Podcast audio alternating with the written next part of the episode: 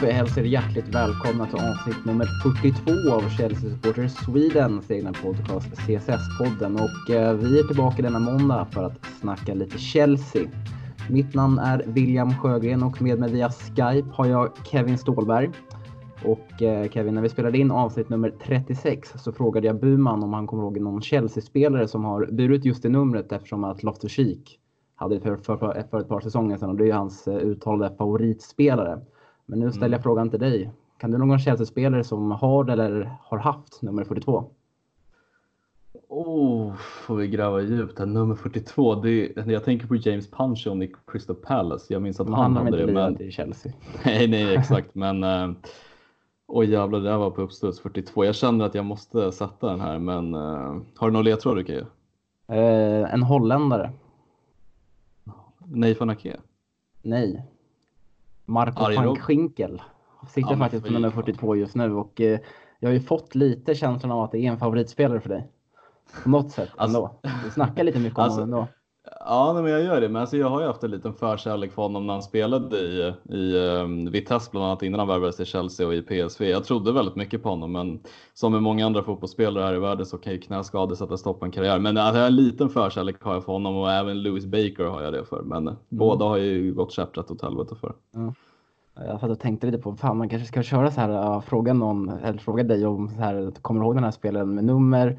Jag tänkte, ja, du kan ju inte avslöja det, men sen kom jag på att vi är uppe på nummer 42 nu liksom, så det, mm. det börjar ju så här tyna ut med väldigt dåliga spelare som har blivit mm. de här nummer 40 plus liksom. Det är, det är inga stjärnspelare som brukar få de numren. Men jag måste ju också fråga, hur är läget med dig? Det är bra. Det, det känns som jag nästan svarar så här varje gång att det är bra, men eh, ja, livet rullar på. Det är en trött vardag med, med plugg och jul som nalkas, men eh, det känns jävligt skönt att det är mycket matcher nu som kommer och så slipper man de här trötta internationella uppehållen också. Så att det är alltid någonting positivt. Sen är det alltid kul att sitta och tugga och snacka lite Chelsea. Hur är det själv med sjuklingen? Har du blivit frisk nu? Ja, jag är frisk som nötkärna. Jag hostar till lite då och då. Så lite så här, eh, som lite efter, eh, efterskalvningar liksom. Men eh, annars är det bara prima. Jag mår sjukt bra faktiskt. Det är, ja. känns som att det är snart jul. Man, det, man är liksom inne i den här sista ruschen i skolan nu när man får komma hem igen. Mm. Eh, så att eh, livet rullar helt enkelt på. Och ja, det känns väl som de som känner oss bara via den här podden, de tror ju, när vi gör det och pluggar och liksom klagar lite på livet. Men fan, det, livet är bra liksom. Det, det, det, finns utrymme för både att eh, vad säger man, spy ut galla och eh, uppa livet också. Ja, absolut. Men eh, i dagens avsnitt kommer vi att i sedvanlig ordning att ta ner det som har varit. Chelsea reser till Manchester i helgen och återvänder till London med noll poäng och vi kommer självklart att ge er allt från matchen kombinerat med våra tankar. Vi kommer sedan att introducera en ny programpunkt för podden och mer om det lite senare. På onsdag väntar Valencia för Chelseas del borta i Champions League. En direkt avgörande match för Chelseas fortsatt existens i turneringen och vi ger såklart alla förutsättningar inför den. Och som vanligt så avslutar vi med det att besvara de frågor som ni har ställt oss i vår Facebookgrupp och eh, ja, detta och mycket mer i CSS-podden. Nu kör vi!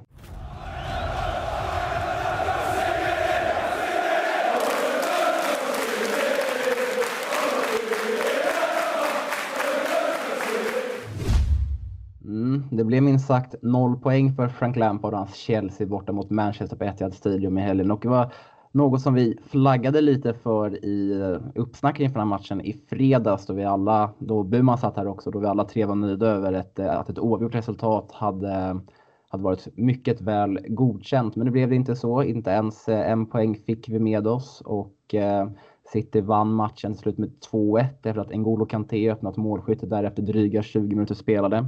Men det var City som drog det längsta strået och Kevin, vad var dina tankar efter matchen?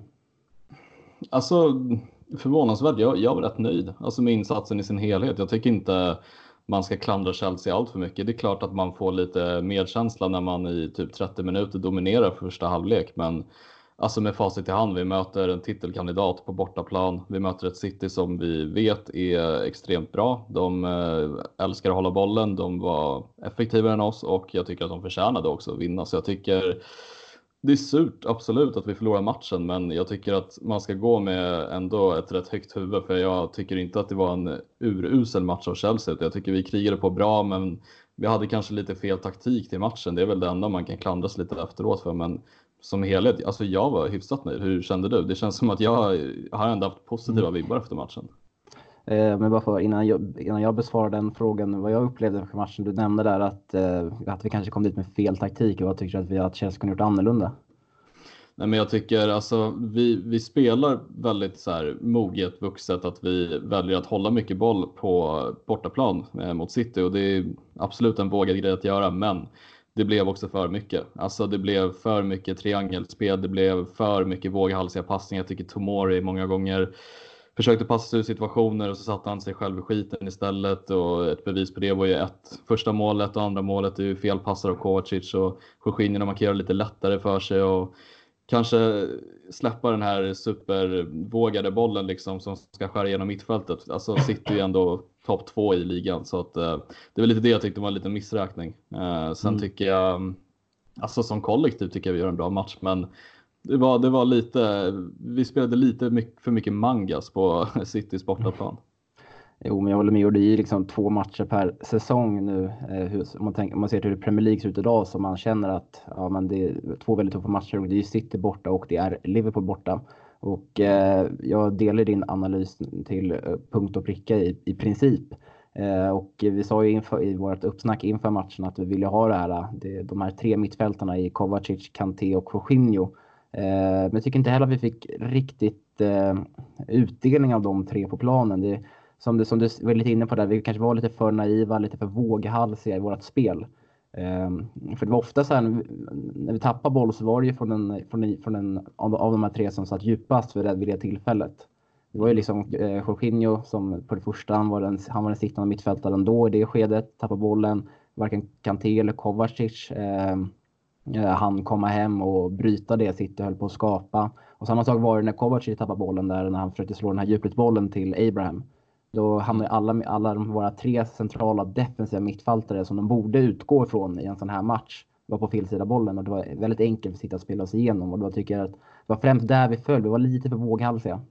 Mm. Nej, men jag, tycker, jag håller verkligen med och jag tycker också någonting man kan se på till exempel Jorginho att det är en det är en fantastisk bollspelare och han, han gör ett ypperligt jobb defensivt. Men jag kan på ett sätt också tycka att det är många gånger när han förlorar boll han vill liksom visa krigarhjärta och vinna tillbaka bollen väldigt snabbt. Men det är oftast att han, stöt, liksom, han stöter lite för aggressivt och går bort sig lite mm. för lätt vissa gånger. Jag tycker som om man nu ska vara en sittande ensam mittfältare tycker jag man ska ha lite mer känsla för det. Eh, att liksom inte behöva ruscha och vinna tillbaka bollen. Jag fattar om det är en taktik man vill utgå ifrån att man vill pressa högt, men då ska man pressa som ett kollektiv och känna efter liksom att om Kovacic och Kanté ligger fel, då kanske man ska avvakta lite och inte chansbryta. Och det är mm. lite så här värderingsfrågor vissa gånger, men jag tycker också man ska ändå ha respekt för City och man ska även ha respekt för Chelsea. Det är fortfarande ett ungt lag och jag menar, nu har ju Kovacic, Kanté och Jorginho känt på varandra i en säsong, men runt om så har vi rätt många orutinerade spelare och jag menar det här visar ju också skillnaden på ett färdigt, moget, rutinerat lag och ett lite mer valpigare lag med lite mer juniorer. Eh, och jag, det som helhet, därför är jag inte speciellt besviken. Jag kände liksom så efter 30 minuter, wow, det här kan verkligen gå vägen. Men sen kände man City tog över och City dominerade och de spelar som de brukar göra. Och, alltså med facit i hand, är det någon som sitter och säger att Chelsea borde vunnit så vet inte jag om de kollar på rätt match i sådana fall. Mm, sitter också, om vi hänger kvar lite vid de centrala mittfälterna så kände jag också att det fanns ingen, liksom, det kändes som att alla tre hade väldigt eh, fria, roll, fria roller. Det var, ingen som, det var liksom ingen tydlig rollfördelning mellan de här tre. För att man kollade när City rullade runt bollen i backlinjen så var det antingen Kovacic, antingen Kanté eller Jorginho som var och pressade. Det var ingen den här som man är van att se när det är den 4-2-3-1 och det är alltid Mount som är, upp, som är, som är främst upp och pressar i den rollen. Det var mm. liksom mm. den som var närmast, eh, den som var närmast City i försvaret, det var den som skulle pressa. Så det fanns mm. liksom ingen balans där, känner jag heller, vem, en, en tydlig rollfördelning vem som skulle göra vad. Mm. Eh, Nej, och, ja, kör. Ja, men som du säger sen också så är ju ett City att är ett, eh, det är ett lag av extremt hög europeisk klass. Eh, och man kan inte förvänta sig så mycket mer och när de väl kommer igång då, då är de ju bättre än vad Chelsea är. Eh, och det, och, eh, det blev lite så här, lite, på något sätt jag vill inte, egentligen inte uttrycka det så, men det var lite så här lillebror och storebrors komplex över mm. spelet i den matchen. Um, och sitter liksom så här, man tänker så här, de skapade liksom inga så här extremt farliga målchanser som vi såg mot, eh, mot Chelsea förra säsongen vi torskade med 6-0. Var det liksom, var det kniv mot strup, strupen varenda gång de hade bollen, City. Mm. Men det är så här nu, mm. de kontrollerar, jag vet inte om det var Chelsea, Chelsea som gjorde det, men de kontrollerade matchen på ett helt annat sätt som ändå, som jag, eller som jag är van att se ett eh, Pep Guardiola-lag Guardiola göra också. Mm. Mer att de istället för att gå all in offensivt så ja, men de, de värderar situationen. Ja, är det läge att gå? Är det läge att inte gå? Istället för den här totaloffensiven kommer ner med tiki-taka när de väl har bollen. Och det, och det, blir, det blir väldigt svårt för Chelsea. Extremt svårt mm. för Chelsea. Ja, nej, men det, och det är ju det som är deras, liksom, alltså, vad ska man säga, det är väl deras alltså, grej. De gillar ju att hålla bollen, de gillar att Alltså det de är väldigt bra på också, de är speciellt bra på döda tid. Alltså när de känner att de har en ledning så är de ju bland de bästa lagen i Europa på att spela mm. bort matcher. Och det är ju det som, jag tycker inte det är en fel analys av ett lillebror storebror alltså komplex för att det, det är ju det som är skillnaden. Vi å andra sidan i våra matcher säga, försöker, ja. Ja, vi säger, jag säger också, också på att in där också för att det känns ändå som att Chelsea på något sätt i slutändan vill spela som Manchester, som, som Manchester City gör.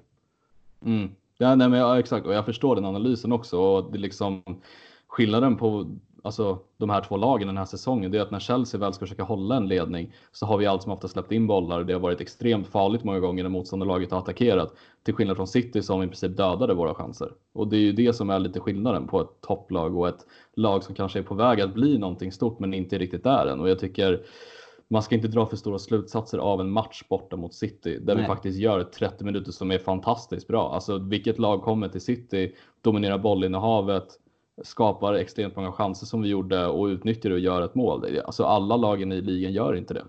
Nej. Eh, du var lite inne där på att, eh, att du var väldigt nöjd med insatsen generellt. Men finns det någon spelare i Chelsea? Jag tycker att egentligen det är svårt att underkänna dem. Tycker att egentligen samtliga var ändå helt okej. Okay, liksom. Det var ingen som gjorde bort sig eh, nämnvärt. Liksom. Men var det någon som, är det någon som du vill underkänna i den här matchen som du känner inte riktigt höll måttet? Alltså, jag tycker det finns några spelare. Jag tycker Pulisic var väldigt, alltså inte lik sig själv så mycket. Alltså han hade svårt att komma in i matchen och eh, Alltså det, det är inte för att hacka på Pulisic, men eh, den formen man har sett de senaste matcherna han har haft var inte så lik den här matchen. Och såklart, ett i halv borta. Det är rätt svårt liksom att komma kanske in i matchen om man har en duktig ytterback som kan sela bakom sig och sådär. Men Pulisic tycker jag inte man såg så jättemycket. Jag tycker Emerson var väldigt blek också. Speciellt vid Maris mål tycker jag att han alltså ser verkligen ut som en staty. Han bara står och vågar inte gå på. Och då blir det så här också. Jag förstår att man kanske vill avvakta och inte eh, orsaka en straff, men det blir på något sätt hellre att du gör någonting av den än komma på mellanhand för han såg ut som en rundningspelare och Maris kunde mm. zigzacka sig igenom. Det blir lite konstigt för mig. Sen som vanligt tyvärr, vi har snackat om det så sjukt många gånger, men Kepa, jag, man får inte ett stabilt intryck av honom. Det är så många gånger man liksom vill slita av sig håret. Du minns ju den här bollarna rullar ut till Agüero som nästan mm. sätter den och var, var bortdömda målet där han totalt missar att ta den när den liksom mm. går vid hans hand. Alltså det, man får liksom inte ett stabilt intryck av honom och det Alltså jag, jag är lite på bristningsgränsen med honom. Jag försökte verkligen svinga och skydda honom, men eh, alltså nu har det gått den första halvan. Man får ge honom kanske halva säsongen, men det börjar bli time för att kanske ses, överväga. Är det verkligen vår nummer ett? Jag tänkte komma till det att eh, angående Pulisic där så delar jag inte helt det. Jag tyckte att när Chelsea väl var offensivare, framförallt i första, så var oftast Pulisic den som var inblandad. Jag tycker han gjorde det helt okej. Okay. Jag tycker framförallt mer att det kanske var William jag var väldigt osynlig i den här matchen. Tycker inte att han riktigt kom in i matchen, i alla fall inte framåt. Gjorde ju såklart som vanligt de, äh, jobbet i defensiven. Men jag tänkte också på den här situationen som du pratar om med Kepa där med Agüero. Såg du Kepa äh, efter Agüero dragit den i ribban, såg du han, hur han agerade? han hoppade... Han, han kom på någon mellanhand va? Ja men det var typ så här, jag såg inte vad, så här, vad håller du på med? Så jag skrek. Så, vad, vad gör du liksom? Så här? För att han stod liksom kvar där, där väl hade, när han hade lagt sig ner efter att, eller efter Agüero hade ställt den i, mm. i då, kollade han bak och såg typ att ja, men Zuma eller Tomori stod på backlinjen, alltså stod på, mål, på mållinjen. Då ställer han sig kvar där och istället för att backa bakåt så försöker han liksom, jag vet inte vad han håller på med. Det är en sjukt komisk situation. Nej, och det... Jag höll på, att riva håret liksom av det där. För att, ja, håller du på med? Ja, och det är liksom så jag har all respekt för att alltså Ederson kan också göra sådana blunders. Alla målvakter gör det, men det känns som att sådana här grejer händer lite för ofta den här ja, säsongen. Att det är, många små grejer som om man slår ihop dem så kan man säkert göra någon compilation klipp av det på Youtube för att det är extremt många liksom räddningar som man tycker att okej, okay, fan hade det varit en lite bättre målvakt hade man tagit det. Hade det varit lite längre hade man tagit det här. Hade det varit en liten bättre målvakt med fötterna. Alltså fattar du? Det blir liksom så här. Alltså det blir liksom, det finns inget stabilt intryck och måste vara att Courtois kanske inte heller är världens bästa med fötterna. Jag tycker Kepa är väldigt bra med fötterna, det är väl en av hans bästa egenskaper, men att han Lite liksom svajig kan... där den senaste tiden faktiskt. Ja, nej men absolut. Och jag, men jag uppskattar nog målvakter som föredrar att spela bollen och eh, alltså så här, ja, absolut att han har varit lite darrig, men det som stör mig mest är att han är vad jag sett så här på Youtube-klipp med Chelsea när han tränar och så. Han ser var, ut att vara extremt bra reflex, mm. alltså en bra reflexmålvakt, men det ser jag inte lika mycket. Det var någon räddning under matchen han stöter en, jag tror att det var ett skott som kom lite högt mot honom. Han får upp en hand liksom och räddar den över och det är så här, absolut en bra räddning, men alla de här bollarna som placeras vid honom.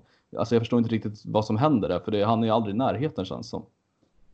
Nej, det är en eh, märklig gåta för att eh, som jag konstaterat i den här podden tidigare så var det en, en spelare som vi i alla fall tyckte var på uppgång om man ser från till eh, hur säsongen avslutades eh, i fjol. Eh, han verkar ju komma tillbaka, tillbaka till det här träsket nu där han verkar ha en brist på självförtroende. Jag vet inte vad man ska säga för det känns som att kvaliteterna finns där men han får inte ut dem på planen på något sätt. Mm. Men du snackade om att Emerson där också var en som du inte riktigt var nöjd med och det delar helt och hållet. Och Frank Lampard gjorde ju ett, en liten rokad där i den ja, i början på den 70 minuten där då han gjorde ett dubbelbyte nej det kom lite senare, men han tog, gjorde lite tidigare där när, vet du, han plockade ut Emerson och satte in James och valde att byta kant på Aspelekueta där. Mm. Ehm, och det bytet tyckte jag gav verkligen effekt. Att vi fick stopp på City från båda kanterna där det var, hade varit lite öppet från Emersons sida. Ehm, och ska då nämna också att Aspelekueta tycker jag gör en jättematch försvarsmässigt. Men framåt finns det ju mer att önska såklart. Mm, nej, men jag tänkte komma in på Aspelekueta. Jag tycker verkligen man ska berömma hans insats och precis som du säger han syntes inte jättemycket i offensiven och det tycker jag är lite mer Emilssons ansvar för han är den offensiva av våra ytterbackar och han ska komma med upp offensivt. Jag tycker inte han gör det alls, men någon som verkligen gör en alltså fem av fem defensiv insats är ändå Aspilicueta. Jag menar Sterling är väl typ kanske en av de bästa i England just nu tillsammans med Kane eh, som de inhemska spelarna och jag tycker inte man såg Sterling jättemycket. Nej. Eh, jag tycker han verkligen hade honom i fickan många gånger och, och som du säger, det, James tog ju verkligen alltså, fart när han kom in och bidrog med någonting helt annat än Emerson gjorde. Så att det här bevisar också kanske att det finns ett alternativ att ha Spilicueta på vänsterkanten och ha James på högerkanten. Så gjorde vi mot Ajax också och det fungerade jävligt bra. Mm, ja, och det känns som att Aspelekueta han steppar upp när han får möta Raheem Sterling. Eller jag har inte så långt minne har jag inte, men jag minns att matchen på Stamford Bridge i fjol i alla fall när Chelsea vann med 2-0 mot eh, City så var ju också Aspelekueta fenomenal mot Sterling. Han var riktigt vass och, och dödade den kanten totalt. Och mm. måste ändå berömma lite, här vill jag faktiskt berömma lite Frank Lampard. Eh, för först och främst är det väldigt magstarkt ändå att slänga in en James mot City borta där och göra det här bytet. Men någonting som vi har kritiserat Frank Lampard för under podden har ju varit att eh, vi har inte sett riktigt den här matchcoachningen från honom. Att han, det är mycket så här raka byten och som inte har givit någon vidare affekt. Kanske bara, bara bytt plats på men, en Pulisic och Hansson Odoi eller Pulisic och Pedro och en Tam Abraham och en Mitch Batshuayi. Men han gör ju ändå lite förändringar för att försöka förändra matchbilden. Och det tycker jag i alla fall att han ska ha lite, mm. lite ros för. Ja, nej, men jag håller verkligen med och det är ju lite så med Frank Lampard. Han är ju tidigt inne på sin tränarkarriär. Det tar ju lite tid att få rutin och veta när man ska slänga in sina byten och hur man ska formulera eller hur man ska formera själva uppställningen under matcher och så. Och om man ska byta taktik eller gå ifrån sin taktik om man vågar och så där. Och jag tror att det kommer med tiden och alltså, jag, jag tycker väl det med liksom på minussidan. Jag tycker vi går in med lite fel inställning att vi ska försöka hålla bollen så mycket som vi gjorde. I övrigt tycker jag att vi gör en fullt godkänd insats och vi gör det så bra vi kan mot ett City som är bättre än oss just nu. Alltså så är det bara. Uh, och ett, ett till byte som han gjorde dubbelbyte där Frank Lampard lite senare då han plockade ut Tam Abraham och Jorginho satte in Mason Mount och, och uh, Batshuayi uh, för att få en lite mer offensiv touch på det hela. Tyckte att det gav någon affekt katastrofbyte av Batshuayi skulle jag säga. Jag tycker att han var fruktansvärt dålig. Han sprang offside nästan alla gånger och halkade när han väl kom fri. Och det var inte hans inhopp. Han fick inte så många minuter heller, men uh, han såg väldigt blek ut. Mount, ja, han försökte. Han kom ju med lite energi, men kom inte riktigt loss. Han hade en jävligt vass frispark uh, mm. som man önskade kanske hade gått in. Det var bra tillslag. Jag har inte sett hans, eh, jag har inte sett en frispark som har varit bra av honom eh, tills den här matchen där, där man verkligen fick se att han har ett extremt bra tillslag. Men eh, Batshuayi, eh, där önskar jag lite mer. Jag gillar verkligen Batshuayi också, så jag hade hoppats på att han kunde förändra matchbilden lite, för jag tycker med Abraham också att Alltså jag, det, jag, får lite vibbar av att han också är lite på den här gnälliga sidan om du har märkt det under matchen. Det är mycket liksom slut med armar och, och så vidare. Och det är, så här, det är absolut bra om man har en bra vinnarskalle när man verkligen håller på med liksom det kroppsspråket. Men det kan gå i lite överdrift också när han står på ytor som är helt så här, omöjliga att nå honom ibland. Och, mm. Um, jag tycker att man ska våga spela Batshuayi lite mer. Alltså kanske inte starta kanske en sån här match, men bara de här korta inhopp. Jag tror att han hade mått bra av att kanske få starta någon match mot något sämre lag. Jo, ja, det är ju, som vi har varit inne på, det är bra, lite bra att ha en del vass, att våra spelare som spelare ska vara i form varje gång de kommer in och eh, det blir man ju inte på en bänk och på träningsanläggningen. Eh, men eh, ja, fint ändå av Abraham om vi ska nämna något positivt från den här matchen. Tyckte han var helt okej okay som en targetspelare och eh, skapade en del, lite på egen hand. Men en eh, Cristiano Ronaldo hade ju slagit in den här bollen som var på väg i mål från N'Golo Kanté där. det var lite fint av honom. Nej, du menar Mason Mount frispark eller Kanté? Nej, Kantés, Kantés 1-0 mål där. Eh, när Abraham istället, för att, ah. istället för att bara lägga in den så fokuserade han istället på att hålla undan Fernandinho eller vem det var som, kom, mm. som han hade i ryggen. Eh, och ja, nej, Cristiano Ronaldo hade ju, han, som jagar målrekord, han hade ju, han hade ju satt den sista touchen där precis innan mållinjen. Så det var lite ja. eh, fint. Av honom. Och jag såg också, vet inte om det var, kommer inte ihåg om det var i CSS-podden-gruppen eller om det var på Twitter jag såg det, men eh, Chelsea postade ju en video på eh, Instagram här i veckan inför matchen med, där Mason Mount drar in en så här riktig eh, drömfrispark. Och det var någon som skrev då i CSS-podden-gruppen tror jag att ja, när, när, när väl Mount steppade upp där i 94 så uh, fick jag känslan att det var written in the stars att han skulle, att han skulle sätta den på en exakt likadant sätt. Och det var ju faktiskt nära, det var exakt samma hörn bara att den var lite utanför den här gången. Eh, men eh, annars tycker jag delar den analysen också. Batshuayi var inte bra alls och Mason Mount kom inte loss helt enkelt. Så att, eh, bra, ändå bra indikationer från Frank Lampard i alla fall. Tanken var god men det lyckades inte helt riktigt med de spelarna den här matchen. Några som jag tyckte det lyckades för men som har fått lite kritik efter matchen så var det ju Zuma och Tomori. De kanske inte var hur bra som helst eller försvarsmässigt. Jag tycker att de var väldigt bra. Det var kanske några tabbar här och där. Eh, men de fick ändå en del negativ kritik efter matchen Kevin. Varför då? Ja, nej, jag ärligt, jag vet inte riktigt. Jag tycker alltså det fanns spelare som var sämre än vad Tomori och Zuma var. Som jag sa tidigare också nu i avsnittet att jag tycker Tomori ibland gör det lite för svårt för sig, kanske vill visa lite för mycket lite för mycket kyla och spelar lite för svårt ibland. Men jag tycker inte i övrigt så tycker jag att de inte gör världens sämsta match. Alltså de möter ändå Agüero, en av världens bästa anfallare, bästa anfallaren i City och bland de bästa i ligan. Så jag menar mm. liksom, mm. det är inte världens enklaste match till att börja med. Det är återigen, det är City borta, det är svårt. Så jag tycker, alltså det är väl lite så här, det är de mittbackarna vi har, då får vi liksom tro på dem. Vi kan inte göra så mycket mer. Eh, och jag tycker Tomori, alltså jag blir lite, det, det som irriterar mig lite, det är, det är folk som kritiserar eh, våra mittbackar så mycket i en match mot City medan vi kanske några matcher innan hyllar dem som att det är en av de bästa mittbacksparen nu i ligan eller att Tomori är en, en framtida liksom världsback. Men direkt när det blir en lite sämre match så ska vi gå ut snabbt och kritisera dem. Jag, köper, jag förstår inte riktigt den analysen. Jag menar, Zuma, vi vet vart vi har honom. Det är en trubbig mittback. Det kommer nog aldrig bli en världsback av honom, men han gör. Jag tycker i alla fall att han gör det bästa han kan utifrån hans egenskaper. Tomori, det är en ung spelare. Han har inte spelat i ligan någon gång. Han var utlånad till ett Championship-lag och han har överraskat oss alla och tagit en plats. Och nu gör han en liten, kanske lite sämre match mot City och direkt är man liksom ute med motorsågen och ska kritisera dem direkt och att vi ska köpa nya mittbackar. Ja, alltså vi alla vill kanske ha en ledargestalt där bak. Typ som mm. van Dijk i Liverpool eller Laporte i City. Men det kostar och det finns inte så många mittbackar runt om. Och jag, jag tycker att de gör det bra utifrån de förutsättningar vi har. Mm. Jag tycker faktiskt att som du var lite inne på det, att de kanske gör en sämre match än vad de brukar. Men jag tycker faktiskt att de ungefär höll samma kvalitet som jag sett dem göra under säsongen. Jag tycker att Ja, de är lite trubbiga defensivt kanske, men de löser det på ett bra sätt. Inget, de gör inget, de gör ingen så här supermisstag som leder till, till någonting farligt för City. Tomori fortsatt fin på fötter, Zuma slår bort, Zuma slår bort några crossbollar liksom. Det är det vi har sett hela säsongen.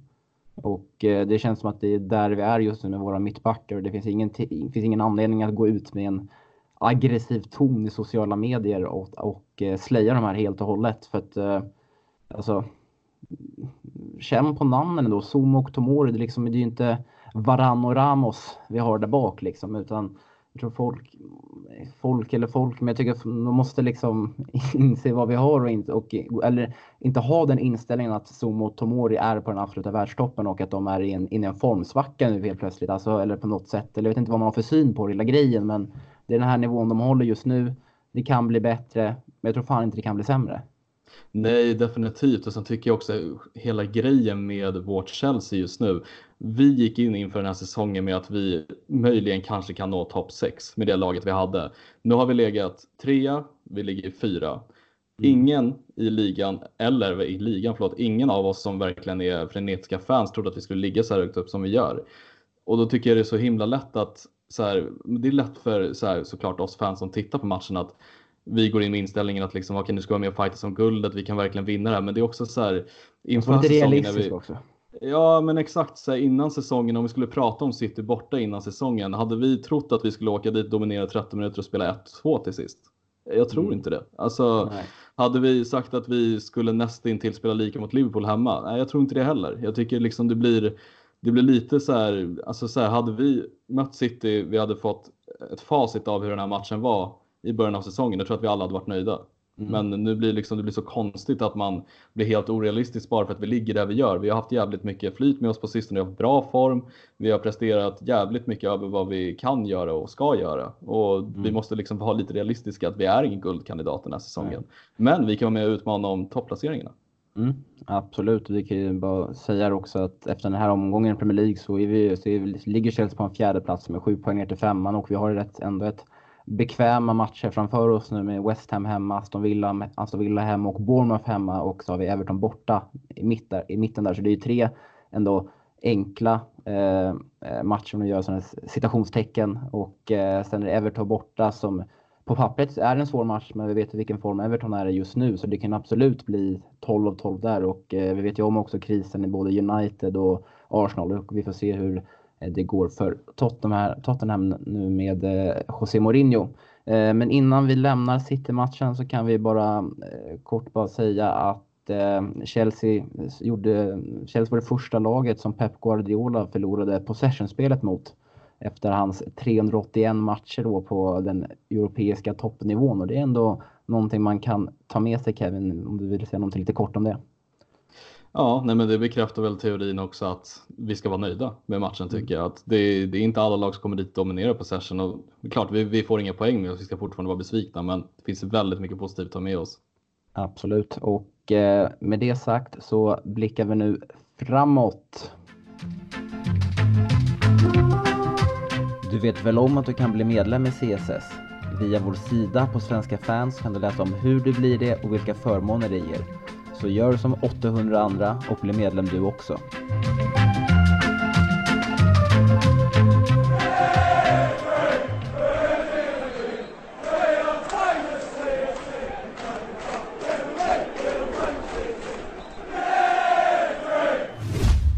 Men innan vi blickar framåt mot Valencia nu på onsdag så ska vi lansera någonting nytt här i CSS-podden och då har vi kommit fram till någonting där jag kommer med tre stycken påståenden och eh, vill eh, lägga in här att det kanske inte är vad jag tycker och tänker utan det är det som jag läser och hör ute i på sociala medier och vad andra källspårare tycker. Och så får helt enkelt Kevin svara på det och så kanske jag ger mig in i diskussionen också. Men det är rätt enkla förutsättningar och vi testar. Eh, och den första av tre är då att eh, supportrar har fått en övertro på laget i och med sex raka vinster i ligan. Eh, majoriteten ja, det tycker jag verkligen. Eh, jag tycker att vi fortfarande ska ha vi ska fortfarande känna att vi, vi slår från underläge. Jag tycker inte vi ska sätta så höga krav på oss själva att vi ska vara med om ett guld. För att då kommer vi bli besvikna. För att jag tror att vi fortfarande kommer placera oss topp fyra. Det är det jag siktar på i alla fall. Och jag, jag känner i alla fall att det blåser lite vindar med folk som är besvikna hur vi genomförde matchen mot City och att vi inte vinner mot topplagen, bla bla bla bla. Jag tycker att vi ska vara realistiska. Mm. Ja, jag stämmer in där och men, de här sex raka vinsterna också, vet inte om du sa det, men det är ju liksom sex mot ändå lite enklare typen av motstånd. Eh, och eh, det ser också bara positivt för att man har ju sett liksom lite problem med, som varit lite återkommande med nästan alla managers som Chelsea har, eh, har haft, att man ändå har tagit, vunnit de här stormatcherna. Men så, så har man ju gått på en mina mot Crystal Palace eller typ ett Swansea eller så, de här brödgängen som blir extremt frustrerande. Eh, och typ ska man sätta i relation inför en säsong, vilka lag ska vi ta poäng emot? Så är det ju 6 av 6 i alla de här eh, matcherna mot de undre halvan och sen beroende på lite på hem och borta och form på övriga topplag liksom. Men eh, så att äh, men jag tycker att man kanske ska, även fast vi vinner och äh, så har man ja, ofta, men också lite reaktioner efter City-matchen så, äh, så är det inte en match som vi ska åka och vinna. Liksom, vi, ska, vi ska åka och spela oavgjort. Som bäst, alltså som vi ska klart vi, kanske man ska vinna och då, då kan man inte sitta och hävda mot mig här nu att jag förlorar min ja, vad fan det är, vinnarmentalitet liksom. Men jag väljer att vara realistisk i det här läget och och ändå se lite längre, lite, lite längre perspektivet. Um, men nummer två då. Uh, mm. Fikayo Tomori skulle kunna vara ett alternativ för det defensiva mittfältet. Oj. Uh, nej, det jag skulle nog inte vilja säga det. Uh, inte för att han inte skulle hålla, men jag tycker att vi har andra spelare som skulle kunna göra det bättre än honom på det defensiva mittfältet. Ehm, jag tycker också att han är en rätt unik mittback på det sättet att han är väldigt, väldigt snabb. Han är mm. väldigt bra, han har väldigt bra passningsfot och jag tycker att det behövs mer bland våra mittbackar med tanke på att vi har Zuma och en Christensen som har varit halvdarrig och Rydiger. Vi har hyllat Rydiger väldigt mycket, men jag tycker att Tomori överglänser han i passningsspelet så att eh, det skulle absolut kunna gå, men jag känner mig mer bekväm med honom bland mittbacken och då tycker jag nästan en Ampadu skulle vara bättre på det defensiva mm. mittfältet som en balansspelare. Men tror du att Fikayo Tomori har egenskaperna för att spela på det defensiva mittfältet om du tar bort konkurrensen och vad vi behöver liksom i Chelsea? Ja, det tror jag absolut. Om man hade taktiskt skolat honom på ett rätt sätt så tror jag att han skulle kunna ha förutsättningar att eh, kliva in där. Det tror jag. Mm. Eh, ja, också lite tudelad där, men jag ser också att han har egenskaperna. Jag tycker han har fina fötter och eh, ja, snabb och, och, och bryt, rätt brytningssäker och så vidare. Så han skulle absolut, jag han skulle göra bort sig på det defensiva mittfältet. Men om vi också ser till hur det ser ut i Chelsea just idag så skulle han bli överflödig där och han behövs mycket mer då på eh, mittbacken. Men om vi stannar vidare lite så nämnde du Ethan Ampadu. Och eh, är det en spelare som du tror skulle ta plats i dagens Chelsea? Ja du, alltså jag tror att han hade haft större möjligheter den här säsongen att slå sig in än vad han hade förra säsongen när Sarri var tränare. För att med tanke på vår situation bland mittbackarna, hur det blev när Luis lämnade innan säsongen, så tror jag att han hade varit en del av laget, absolut. Och jag menar, nu fick Tomori chansen och det var ju också för att Louise stack, Tomori blev kvar och Lampard hade haft ett öga för honom och han fick chansen. Jag tror att om Ampadu hade fått för säsongen och även innan säsongen på sig att träna, visa upp sig för Lampard så absolut hade han kunnat varit med och mm. fightas om en plats. Jag ser inte det som helt orealistiskt att han hade kunnat matcha sig själv med Zuma kanske. Eh, så att eh, det hade varit kul om han stannade. Det har ju gått tyvärr väldigt dåligt för honom just nu i Leipzig och Eh, jag tänkte på honom häromdagen också, just att jag tycker det är så synd att han inte varit med på den här resan vi ändå haft nu första halvan, för jag hade ändå kunnat se en plats för honom någonstans. Mm, och eh, hans facit i år är ju bara två inhopp i Bundesliga, men annars har han ju spelat en del med det walesiska landslaget. Han fått spela på just då en defensiv mittfältsposition och eh, det är ju såklart en väldigt spännande spelare och eh, hoppas att hans situation verkligen löser sig i januari. Eh, vet inte huruvida man ska, jag håller med hellre att han ska tillbaka till Chelsea än att halva vidare i, i Leipzig. Men kommer han tillbaka i januari så hoppas jag ändå att eh, siktet är inställt på en ny utlåning, men då till en destination där han får lite mer speltid. Mm. Nej, och en liten eh, notis om honom också. Jag som har börjat spela FM nu på sistone. Han är ju rankad som den absolut bästa talangen i Chelsea. Han går före andra spelare. Mm. Ja, lite snabbt, I förra avsnittet hade vi en fråga vilken, vi, vilken Chelsea-spelare vi trodde hade högst potential och då tror jag inte någon av oss tänkte på Ampadu. Men eh, hur, eh, hur ställer du han hans potential med de övriga talangerna som tagit klivet i år lite snabbt bara? Alltså i ärlighetens namn, jag har sett honom för lite. Jag har bara sett honom några matcher i cupmatcherna. Det hade varit kul att se honom mot större motstånd, men alltså jag skulle nog kunna säga att hade han fått rätt speltid och så, så hade han kunnat legat nog i eh, fas med möjligen Mason Mount kanske. Liknande nivå. Mm. Yes, och äh, ja, men äh, det är liksom. Äh, han får spela mycket i brittiska landslaget. Leipzig vill ändå ha honom initialt här från en, i somras och har blivit väldigt lovordad av Frank Lampard också under, efter eh, preseason tour här i somras. Så att någonting gör han ju bra, den gode Ampado. Eh, om vi ska ta det sista påståendet här då så måste N'Golo Kanté spela på sin naturliga position för att Chelsea ska ha en chans på bortaplan i stormöten. Jag tycker det. Eh, jag tycker att han ska spelas bredvid Jorginho i sådana här matcher och Kovacic som, alltså en Kovacic behöver inte vara en tia, men ligga lite framför. Jag tycker att, jag sa det också, i, jag har sagt det tidigare i podden, att jag tycker Kanté har fått en lite märklig roll, att han inte har fått en riktigt skriven roll som han ska ha. Jag gillar ju honom i sådana här matcher, speciellt när han ligger och bara förstör. Bara mm. förstör för, stor, för de andra lagen. Så jag tycker att han skulle behövt ligga lite lägre. Och det är liksom, nu gör han ju mål, absolut, men jag tycker att han gör mer nytta på ett väldigt lågt liggande mittfält. Men är det så pass avgörande att uh, han kan vara vinst eller förlust, till exempel mot ja, men United borta säger vi?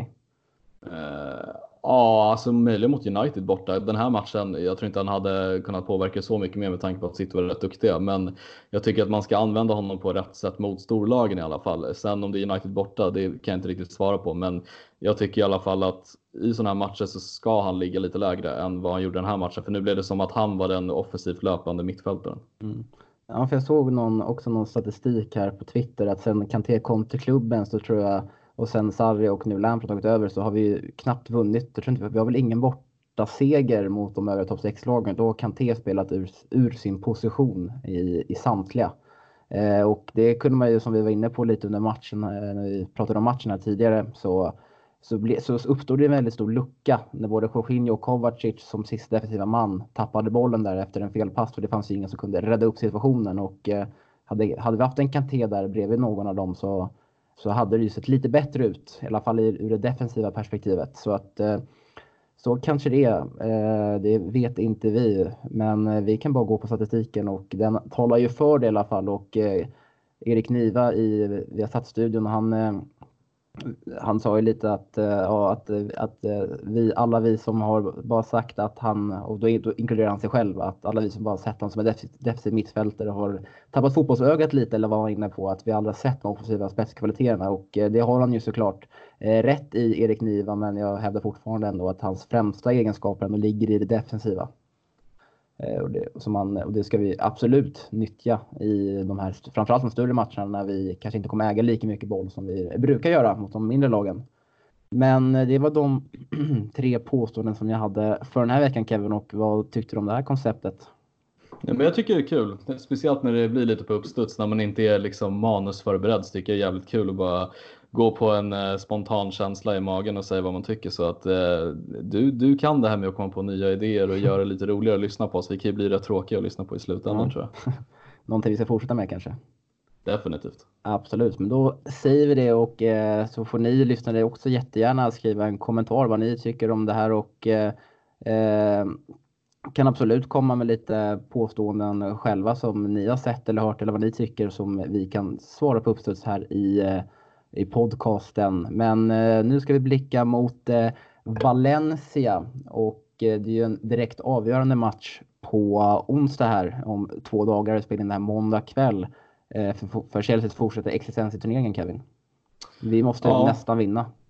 Ja, nej, alltså det är en jävligt jobbig match, eh, speciellt med, du lär kanske komma in på lite mer statistik, men eh, just vad vi har läst lite om Valencia, att de har förlorat en match på hemmaplan bara och de verkar ha kommit igång efter tränarbytet. Eh, så att det känns, eh, alltså det, det, är en jobbig match, men jag ser inte det som helt osannolikt att vi kan ändå komma dit och slå dem eh, med tanke på att vi har, om man bortser från City-matchen, ett väldigt bra facit med oss på både bortaplan och hemmaplan. Eh, men vi kunde satt oss själva i ett bättre läge om vi bara hade fått med oss VAR-målet mot Ajax. Men eh, nu är det som det är och eh, vi går ändå i min inställningen att det är vi som ska vinna den här matchen. Mm, för förutsättningarna som lyder är ju att eh, både Chelsea och Valencia står på 7 poäng. Chelsea har en andra plats just nu eftersom vi har ett eh, plus på dem i målskillnad. Eh, men vid en Valencia-vinst så går ju de om både, i både målskillnad och i eh, poängstatistiken. Och eh, skulle då Chelsea förlora så krävs det då att vi slår Lill hemma Samtidigt som Valencia förlorar borta mot Ajax och då måste vi göra det beroende på vilka siffror det blir, blir på onsdag och eventuellt förlust så måste vi göra det med större siffror. Eh, så det kan bli en liten kniv mot, mot strupen i alla fall vi inte vinner ett oavgjort resultat och jag tror att det är färdigt liksom. Mm. Eh, men som du säger, Valencia, ja, vet fan, de har fått ett litet lyft efter tränarbytet. Eh, satt och läste lite om dem här nu och det verkar fortfarande lite, lite oklarheter med hur de ska spela. De, Eh, som vi sa då i, i podden när vi gick igenom alla, alla lag som Chelsea lottades mot. Eh, så var ju Valencia då precis, hade precis gjort ett tränarskifte och den här Marcelino som hade tagit Valencia, Valencia till en ny nivå var lite oense med klubbledningen, fick sparken och eh, tog över gjorde ju då Albert Celades, eh, någon gammal eh, U-tränare i de spanska landslagen och eh, det jag läste till mig är att han ena matchen försöker implementera sin spelstil, det funkar inte. Då försöker nästa match gå tillbaka till det Marcelino hade och han velar väldigt mycket i hur han ska spela, vilket har fått spelarna har tvekat lite eh, på honom och eh, Valencia ligger på en tionde plats i ligan och ser man sett deras spelarmaterial Kevin som du tror jag har väldigt bra koll på så känns det inte som ett lag som ska ligga på tionde plats i La Liga efter en tredjedel av säsongen. Nej, verkligen inte. Jag tror att Valencia sköt sig själva lite i foten när de valde att kicka Marcelino, för han var väldigt uppskattad. Han är väldigt bra uppskattad i Spanien generellt också. Eh, så att eh, de har satt sig själva lite i den här sitsen och Valencia är en klubb som det verkligen blåser i också. Eh, vi Chelsea-fans är väldigt vana att det blåser också i Chelsea, men det är på en annan nivå tror jag på Mestalla. Ehm, men som du säger, de har ju ett spelarmaterial som egentligen inte ska ligga på tionde plats. Jag menar, har man spelare som Guedes och Gomes där fram och Parejo och Carlos Soler så är det, det är ett lag som ska ligga högre upp och jag tror att många i Spanien också ser dem fortfarande som ett väldigt stort lag. Eh, och de spelarna jag nyss nämnde så sticker ju Gomes ut rätt mycket. Han har ju smält in sex bollar och han spelade ju innanför Celta Vigo som vi var inne på inför, eh, in, eh, inför gruppspelet. Eh, att han är, han är väldigt vass. Det är en väldigt stor stark spelare från, tror att han är från Uruguay eller något sånt där. Och gjorde tror jag typ över 10 strecket varje säsong i Celta Vigo. Så det är en respekterad anfallare och sen har de ju Rodrigo, de har Parejo, de har Carlos Soler som också är en superstor talang. De har en väldigt framkommande stjärna i Fernan Torres på kanten som är extremt uppskattad i Spanien och spås en jävligt bra framtid. Så att, alltså det är ett farligt lag och det är också svårt att veta vart man har dem. Det är det som är lite läskigt. Mm, och sen så får man inte nämna, eller på tal om bra spel tänkte jag säga, men man får inte nämna att de har de här gamla ex-Arsenal-ynkryggarna Paulista och eh, Coquelin. Coquelin, det är ett fint ord att säga i munnen ändå, Coquelin. Ja, jag spyr lite galla när jag hör Coquelin. det klingar fint. Jag hatar honom som spelar typ. Man minns ju hans tackling mot Mason Mount där i inledningen mot hemma på Stamford Bridge som tvingade Mount att eh, eh, gå ut från den matchen och bli utbytt där efter typ 10 minuter spelat. Eh, och, det, och eh, då kvarstår det faktum att han är ju fortfarande det svin han var i Arsenal igen, fortfarande i Valencia. Jag minns ju fortfarande när han blev uppsnurrad av Hazard. Jag försöker den bilden istället när han gjorde en frivolt när Hazard zigzackade genom Arsenals försvar. He's on his own here. He's been trapped by Coquelin and shrugs him off. Play on, says Martin Atkinson. Eden Hazard. What a goal this would be. Hazard scores! Sensational from Eden Hazard! He would not be denied! Mycket fina bilder där på Stamford Bridge. Eh, när Chelsea, de vann med, var det 2-0 eller blev det 3-1 till slut? Jag tror att det blev, jag, jag vågar faktiskt inte säga vilket resultat, jag är så fucking dålig Nej, på det ändå. Men vi har ju slått Arsenal så många gånger hemma så att det är liksom en vinst i mängden liksom mot det där soloprestationen eh, sticker ut. Men eh, eh, som sagt så oavsett Valencias form så kommer de ändå nog komma extremt hungriga in i den här matchen. För det är ju samma förutsättningar gäller ju för dem som det är för Chelsea. Det är liksom en kan, de kanske är lite tuffare. De, de måste ju verkligen ha en vinst här för annars så blir de ju, eller de kommer oavsett nästan vara tvungna att slå Ajax på bortaplan eller få ett oavgjort där. Men, eh, och som du nämnde där i början också så har de ju bara en förlust på hemmaplan i årets, eh, under årets säsong och det var ju då mot eh, Ajax hemma där de åkte på den stora 3-0 förlusten där i den andra omgången av Champions eh, League-gruppspelet. Men om vi ser till eh, Chelsea då. Hur tror du att Chelsea kommer in i den här matchen efter eh, förlusten borta mot City? Jag tror ändå att man har siktet inställt på att ta sig vidare. Jag tror inte matchen mot City bör sitta i så mycket i psyket med tanke på att det är Återigen, vi har varit inne på det, det, varit, det var en svår match mot City. Jag tror att vi känner oss ändå fortfarande i rätt bra form och att vi har vind som blåser med oss. Eh, Sen så ska vi faktiskt ha all respekt mot Valencia, speciellt på bortaplan. De var väldigt effektiva mot oss hemma. De kontrade sönder oss hemma eh, och utnyttjade fasta situationer. De har en Parejo som är extremt farlig på fasta situationer. Han har en av de bästa frisparksfötterna i världen skulle jag vilja påstå. Och, ehm, vi får, eh, det gäller att vi gör en toppmatch den här matchen och jag tror, alltså som känslan är så tror jag ändå att vi kommer slå Valencia. Jag har en jävligt bra magkänsla i alla fall, för det känns inte som det känns roligare att se Chelsea i slutspelet än Valencia, helt ärligt. Ja, det är klart. Och det känns ändå som att eh, både Frank Lampard och spelarna eh, de skakar av sig den här förlusten mot City rätt fort också. För det var det nästan presskonferensen efter matchen, eh, hur det lät från Frank Lampard. Att ja, det var en förlust, vi lär oss av det här, vi kommer lära oss av det här också. Men nu är siktet inställt på nästa match, Valencia på onsdag. Och det var även den indikationen man fick från spelarna på sociala medier efter. De började posta lite bilder där som vanligt efter match. Eh, att eh, ja, nu siktar in sig mot Valencia och eh, det här skakar vi av oss liksom. Och, eh, och Chelsea har ju varit starkare på bortaplan i år än varit på hemmaplan. Så att eh, jag tror ändå att det blåser lite vind i de blåa seglen trots allt. Men om det skulle vara så att vi inte åkte Valencia och vinner och eh, sedermera åker ur Champions League-gruppspelet skulle det vara ett misslyckande för Chelsea i år.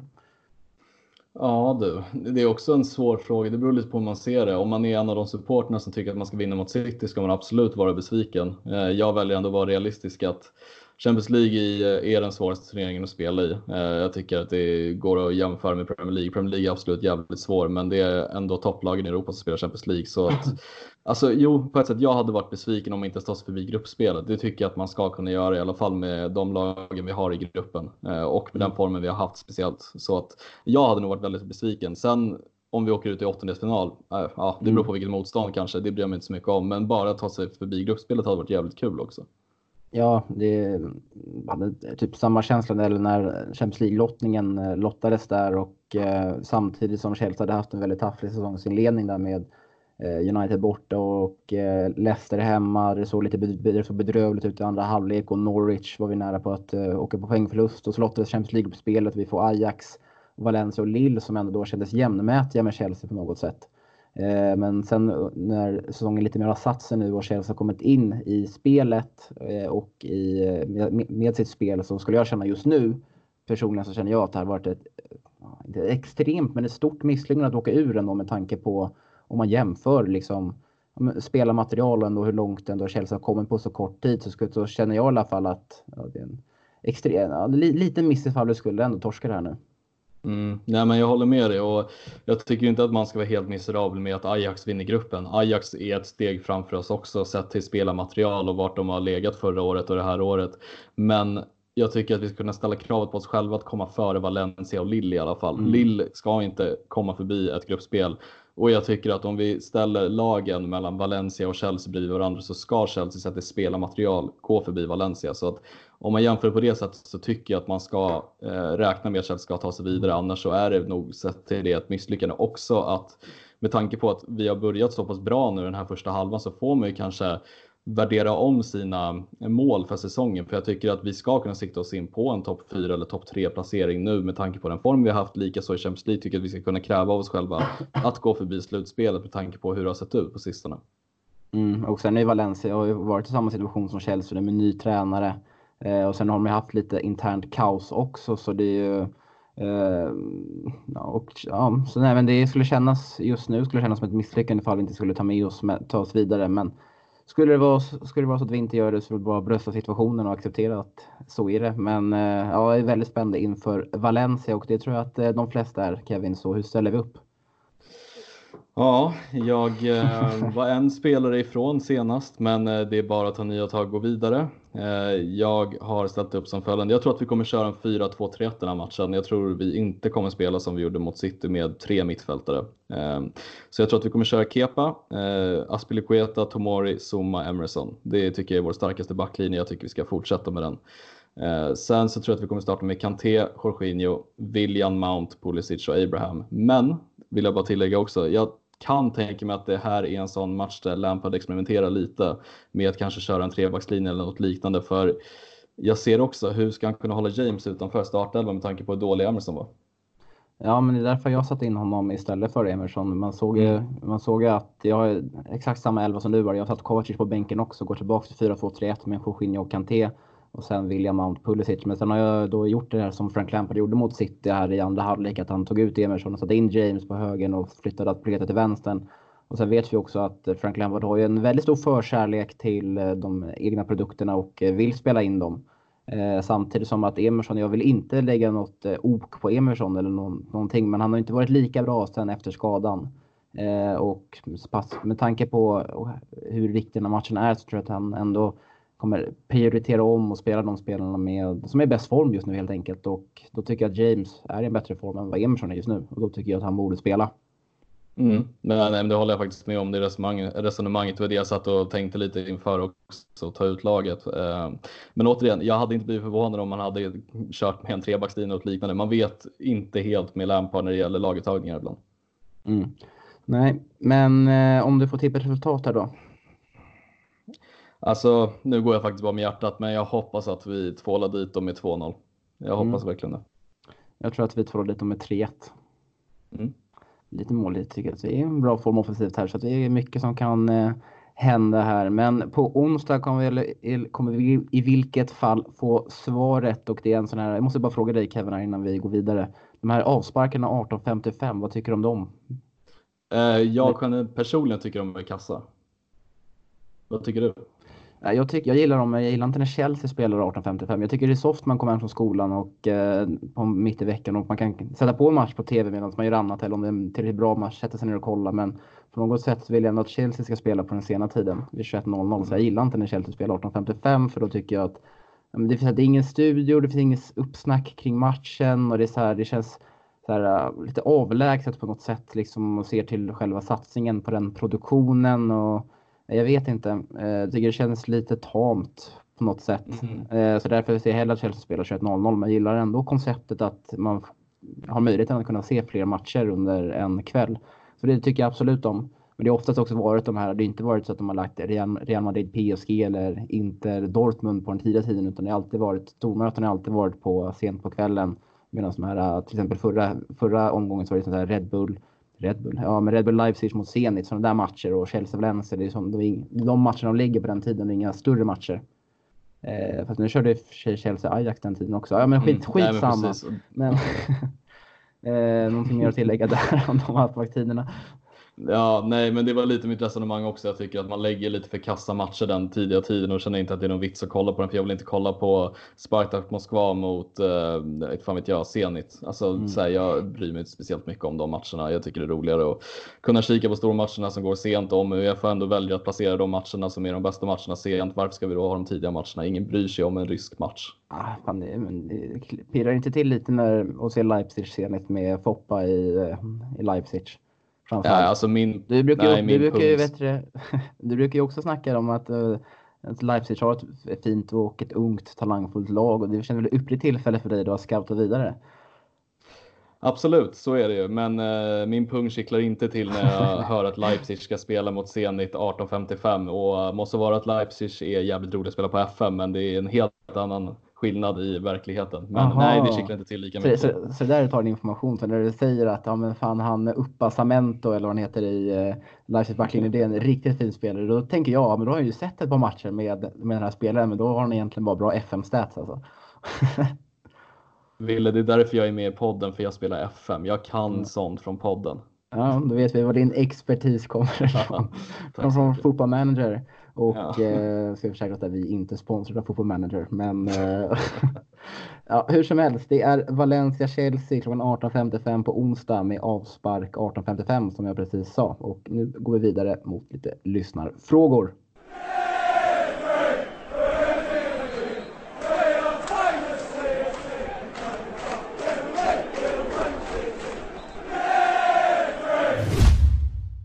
Och innan vi börjar avrunda här för ikväll så ska vi svara på de lyssnarfrågor som ni har ställt oss via våra Facebookgrupp som heter då CSS-podden som befinner sig på Facebook och det är inte svårare än så att man, om man vill gå med där, att man går in på Facebook och sen skriver man CSS-podden upp i sökrutan och så får man svara på en enkel fråga så godkänner jag dig och du kan delta i diskussioner och ha möjligheten att svara på eller ställa frågor till oss då. Eh, och vi börjar med mycket intressanta frågor där som är väldigt typ breda, eh, som, som vi gillar. Och vi tar den första då från Christian Wester som skriver att som skriver passningskvalitet och passningstempo i uppspelsfasen för backlinjen. Det går så extremt sakta. Håller du med honom där? Kevin? Uh, nej, det gör jag faktiskt inte. Uh, jag tycker absolut mot uh, matchen mot City så gick det väldigt långsamt. Vi hade svårt att hitta, hitta rätt ytor, men jag tycker inte i andra matcher att vi har haft ett dåligt passningstempo eller kvalitet på passningar. Jag tycker snarare tvärtom att vi har en Tomori som står för väldigt bra passningar från backlinjen och Zuma som oftast lämnar över ansvaret till Tomori. Och ska sägas också, Tomo, eller Zuma har slått väldigt bra crossbollar på sistone också, så att jag håller inte helt med. Möjligen att passningstempot kan höjas, men det beror ju också på vad det är för match jag tycker inte att man behöver ha högsta passningstempot i varje match. Att Zuma har slått bra passning, crossbollar, det är... Jo, men lite, det, han har höjt sig lite, Wille. Jo, lite har han höjt sig. Men eh Eh, de är inte 100 de är långt från 100-procentiga just nu. Men angående, angående frågan eh, så tycker jag, om man ser till City-matchen som jag antar är mest aktuell här då, så tycker jag att Chelsea valde lite sina tillfällen. Att jag tycker det gick fort ibland, lite långsammare ibland, men Fort gick det i början av matchen tyckte jag när Chelsea ändå försökte ta ledningen i matchen. Men sen när vi då skulle kontrollera matchen efter Kantés ledningsmål så gick det extremt sakta vilket till slut ledde att det kom en felpass. Eh, och eh, det är väl någonting som de måste slipa på. De kanske blir lite för skitnödiga när de håller bollen lite allt för länge och tror att de ja, men är lite city då liksom på något sätt. Så att, eh, men det är bara någonting att jobba på. Så jag håller med dig lite delvis där Christian, eh, men det är såklart någonting som man måste jobba på. Eh, om vi tar en fråga från Mattias Johansson här då, som ska över och se eh, West Ham på lördag på Stamford Bridge och han önskar lite tips på vart man kan ta en bira Eh, innan och efter eh, matchen. Eh, och han skriver också att, att de tyvärr inte kan medverka på julbordet, träffarna på kvällen och kan vi poängtera då att se, den norska Chelsea-supporterföreningen har ju styrt sin medlemsresa där, där, där den svenska, oss, där vi CSS blev inbjudna. Och så det är en del svenskar som ska ner på den matchen. Så visste du inte det så tycker jag absolut att du ska ta kontakt om du, med någon ifall du vill hänga med några svenskar där nere. Det är bara att gå in på CSS-podden-gruppen så har vi nog ett gäng här som ska åka ner. Men eh, ska eh, tips på bira innan och efter match så var jag nere eh, två gånger i oktober mot Newcastle hemma och Manchester United hemma i ligacupen där. Och eh, jag är också väldigt färsk när det kommer till att resa över och se Chelsea live. Så då frågade jag då såklart eh, Daniel Joanno, eh, ordförande i CSS, vart man ska hänga innan och efter matchen och eh, fick en väldigt många tips och det slutade med att jag eh, gick på The Chelsea Pensioners som ligger väldigt nära arenan som var väldigt bra, mycket Chelsea-feeling. Eh, men, och sen så gick jag på The Cock Tavern hette den som också låg nära arenan och det var en, en väldigt mysig pub med mycket Chelsea-supportrar. Eh, rekommenderar båda, var på båda, eh, var på eh, The Cock Tavern båda, inför båda matcherna och sen så var jag även på The Chelsea Panthers innan Newcastle. Tyckte båda var det bra stämning i. Eh, mycket Chelsea, lite ramsor här och där och Eh, och så vidare. Efter matchen så var jag bägge gångerna på The Fimboro Arms som ligger lite mer mot Earls Court där, som också är en Chelsea-pub. Och där tyckte jag det var ett riktigt, riktigt schysst ställe med eh, ja, en Chelsea-pub med lite livemusik efter och så vidare där man kan fira segern och sjunga med han som sitter, han eller hon som sitter och lirar där borta vid scenen. Eh, så de tre rekommenderar jag och eh, efter tips av Daniel Joanno som jag varit på. Mm. Det blev lite långt där. Men eh, vi går vidare va? Eh, och då har vi en fråga från Esad Henic som skriver att Kepas form har det kanske, har, har det kanske med att göra att Hilario är målvaktstränare. En Hilario som varit medioker i sin spelarkarriär. Vad har han att lära ut Kevin?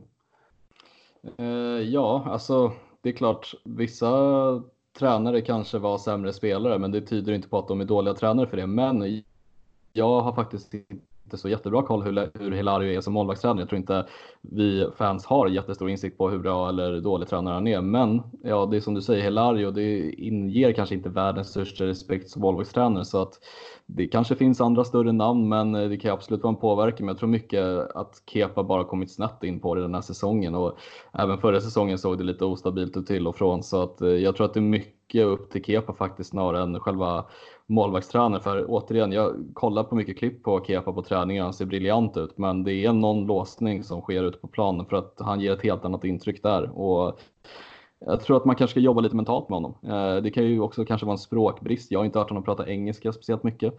Han kanske känner sig lite otrygg fortfarande. Ja, det är svårt att veta. Det är en väldigt liten målvakt liksom, så att han, han inger inte supermycket respekt. Så att jag tror att man kanske behöver jobba på, på psyket med honom för att det, det är lätt att gå ner sig när det väl går lite sämre och han har inte tagit sig ur formsvackan som vissa andra spelare kanske gör när man har varit i lite sämre form. Mm, kanske ska ta sig ett besök Kepa till en psykolog som Alvaro Morata använde sig av under sin tid i Chelsea.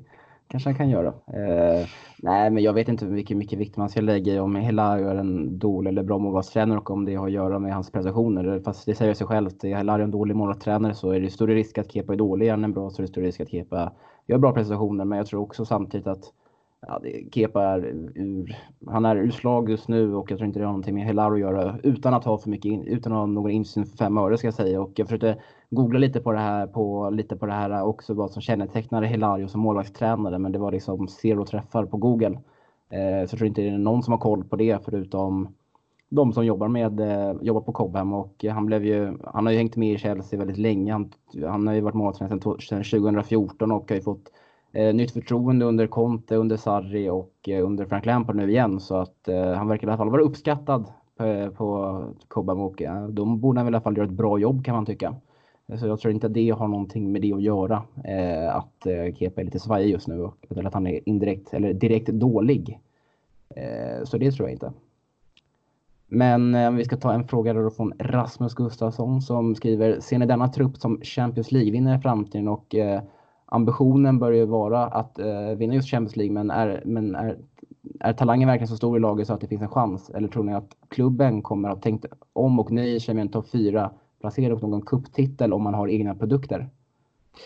Um, om man baserar det på den här säsongen skulle jag nog säga att man ska vara lite realistisk och kanske sikta in sig på en kupptitel och vara med och slåss om topp 4 för jag tror att med det laget vi har just nu ska vi, det ska vara svårt för oss att utmana om Champions League, om Premier League och om eh, olika kupper. Utan vi måste vara lite realistiska. Så att eh, om vi liksom bara kollar på den här säsongen så tycker jag att vi ska vara sikta in oss kanske på en cuptitel och en topp 4 placering. Men jag tror också att vi kommer behöva förstärka den här truppen. Hur mycket vi än älskar att det är egna produkter och unga talanger och så vidare och så vidare så behöver vi spetsspelare. Det syns också mot motstånd som sitter att man behöver kanske lite, lite, lite större spelare i truppen också för att vi spelar som ett väldigt bra kollektiv just nu, men vi är fortfarande för valpiga. Vi behöver folk som kanske har varit lite mer rutinerade, varit med lite längre. Eh, mm. Så att jag tycker inte att den här truppen skulle hålla för en Champions League-final. Det skulle vara en av de största triumferna om vi skulle ta oss själva till Champions League-final eller vinna turneringen. Så att, eh, ja, då är det bara att se på den här säsongen då, men jag hade gärna sett lite spetsspelare komma in. Mm, jag tror också det att alltså ambitionen att man, att man kan vinna med den här truppen över en längre tid, Champions League, den kanske absolut finns där. Eh, och, eh, men eh, jag tror inte vi kommer göra det är i år. Verkligen inte. Eh, fast man vet aldrig vad som kan hända. Men eh, hoppet är det sista som lämnar Men om klubben har tänkt om där och nöjer sig med en topp 4-placering och någon kupptitel cuptitel i framtiden istället för att och satsa på egna spel istället för att värva. Så det tror jag verkligen inte. Utan Chelsea är ju en eh, vinnarklubb med hög press på sig och eh, det är ju ingen välgörenhet Chelsea håller på med utan det är en resultatinriktad klubb liksom som som, som kommer, även fast det är egna produkter eller inte, så kommer de se en chans att förstärka truppen för att, för att vinna. Eh, så kommer de att ta den och eh, det tror jag, det kommer, och så kommer det nog vara så länge Abramovic eh, kommer styra klubben. Det har varit lite snack om honom att, eh, att han kanske har tappat lite intresse i Chelsea men det kommer lite färska rapporter här om att det är han verkligen inte och att, eh, att han är redo att spendera eh, för att ja, då förstärka truppen. Så det, tycker, det tror jag inte. Samtidigt så vill Rasmus Gustafsson hälsa att, eller tacka för en superbra podd Kevin.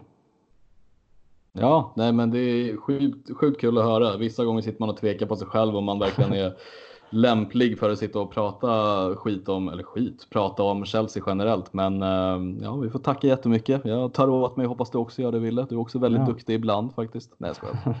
ja, verkligen detsamma och eh, tack så mycket för att du skriver det också. Det värmer att höra att eh, det man gör är värdefullt. Eh, men det var de frågorna som vi hade idag Kevin. Har du någonting mer du vill få ut här innan vi börjar tacka för oss? Tacka för oss? Nej, men jag tycker det var intressant det du snackade om mot slutet med Abramovic, att det ryktas om att han ska slå på stort då när uh, transferfönstret öppnar och vi får värva. Det ska bli jävligt mm. intressant att se vad det är som händer då. Jag tror många är nyfikna. Ja, han ska ju fått lite så här ny, eh, han ska ju fått ett större, nu, eh, ett större engagemang nu när han ser vad Frank Lampard gjort med de unga talangerna här, att han har fått lite nytt lite mer eh, vatten på sin kvarn eller vad ska man säga? Liksom att han vill, att han vill sätta sig in seriöst i klubben igen. Han har ju förhindrats det med tanke på att hans visum inte gäller i England och han har svårt att ta sig in i landet och så vidare. Så det är ju förståeligt på ett sätt liksom, att man tappar intressen när man inte ens kan eh, ha möjlighet att besöka det man äger. Liksom. Eh, så vi får hoppas att det kommer lösa sig inom snar framtid och att Abramovic snart är tillbaka på Stamford Bridge. Och då tror jag att arenaplanerna kommer att eh, sättas igång igen. För Chelsea hade ju ett par eh, stora arenaplaner där som att man ska bygga ut Stamford Bridge. Men som gick då i, i kras när Abramovic, nek, Abramovic blev nekad visum. Det blev konflikten mellan England och Ryssland som är huvudskälet bakom det.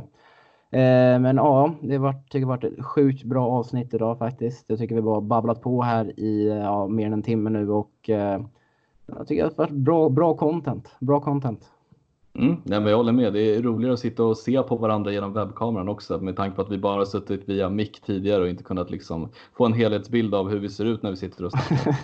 ja, faktiskt. Det har faktiskt hjälpt sjukt mycket för som Kevin sa så är det första gången som vi ser på varandra när vi poddar. Annars har man bara stirrat in i en skärm och hört eh, någon gaffla i ens öron liksom. Men det tycker det ger en extra grej med poddandet när vi träffas här inom citationstecken och spelar in tillsammans. Eh, tycker jag har givit ett litet lyft det här avsnittet. Men eh, vi får helt enkelt tacka för oss och får uppmana er alla att följa oss på sociala medier, framförallt på Twitter och Instagram där vi heter Chelsea Sweden official på Instagram samt Chelsea Sweden på Twitter. Och såklart då följ oss på svenskafans.com som är vår huvudhemsida där vi lägger ut artiklar dagligen om vad som sker i klubben och vi har ett eh, några riktigt fina planer på gång här nu under december månad. Så stay tuned för det. Och då får jag önska er alla en fortsatt trevlig vecka. Ha det!